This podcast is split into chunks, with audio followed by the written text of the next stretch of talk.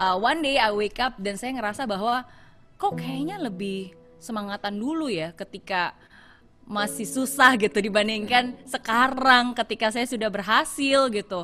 Ya yeah, it's good, I'm very blessed. Bukan berarti saya nggak bersyukur, saya bersyukur banget gitu bisa mendapatkan semua itu. Tapi saya ngerasa kayak kok kok dulu tuh bangun pagi lebih semangat gitu. Walaupun harus kerja keras, tapi kayak ada target yang dikejar gitu. Um, and I realize what's wrong. Dan di situlah saya sadar bahwa ya ternyata di hidup ini penting untuk adanya mimpi karena kita harus punya tujuan gitu hidup harus ada tujuan kalau nggak kan kita nggak ke mana-mana Nah, um, to cut the long story short, akhirnya saya mulai mencari tahu lagi bahwa ya again di hidup itu ada yang namanya achievement, ada juga yang namanya fulfillment.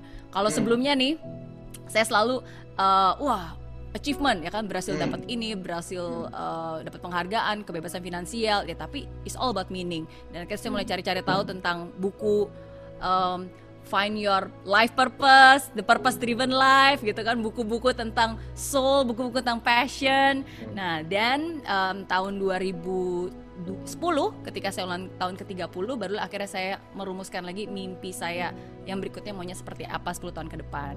Nah, di situ akhirnya saya bilang, oke, okay, uh, saya mau bukan hanya untuk mendapatkan berjuta-juta dolar, tapi saya ingin bisa menciptakan dampak positif dalam kehidupan jutaan orang khususnya di Indonesia gitu. At that time I was still in Singapore and nggak pernah kebayang bakalan balik ke Indonesia gitu. Tapi again, maksudnya ketika kita punya mimpi, kita just throw to the universe and uh, kalau memang itu sesuai dengan jalannya Tuhan kan Tuhan akan mengirimkan jalan. Ya, dan akhirnya dari situ kurang dari dua tahun uh, akhirnya oh uh, saya diundang oleh Kick Andy. Waktu itu pada di Singapura tim researchnya Kick Andy pun juga notice. Ya. Karena mereka mengundang saya men-sharingkan tentang kisah saya saya men-sharingkan tentang mimpi saya.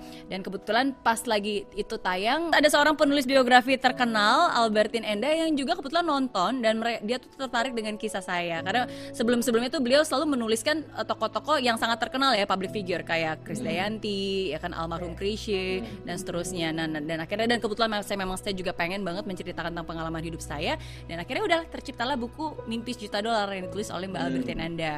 Uh, terus bukunya menjadi mega bestseller, ada di toko buku di mana-mana dan akhirnya um, beberapa produser film juga tertarik untuk bikin filmnya gitu. Ya udah dari buku jadi film uh, dan akhirnya itu juga yang membuat saya kembali ke Indonesia tahun 2014 dan akhirnya back for good di sini dan mendirikan Mary Riana Learning Center um, dan bisnis di bidang education ya inspiration and education gitu jadi itu tuh kata long story short milestone milestonesnya dan itu sih maksudnya ada yang ada yang memang plan, maksudnya memang mimpi besar, yeah. tapi ada juga yang memang sebenarnya itu bonus tambahan kayak film gitu, hmm. gitu, nggak pernah nyangka, tapi itu yeah. bonus yang Tuhan berikan kepada kepada saya dan juga kepada Alfa sih, my husband.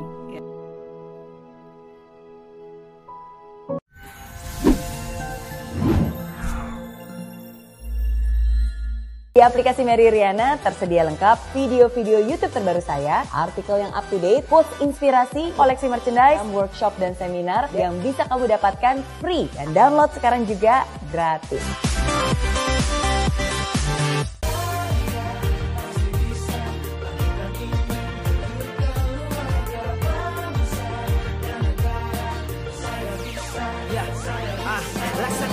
Tanpa hujan Hidup tanpa tujuan Kering dan mati tanpa hijaunya tumbuhan ah. Demikian kalau mimpi tak kunjung terjadi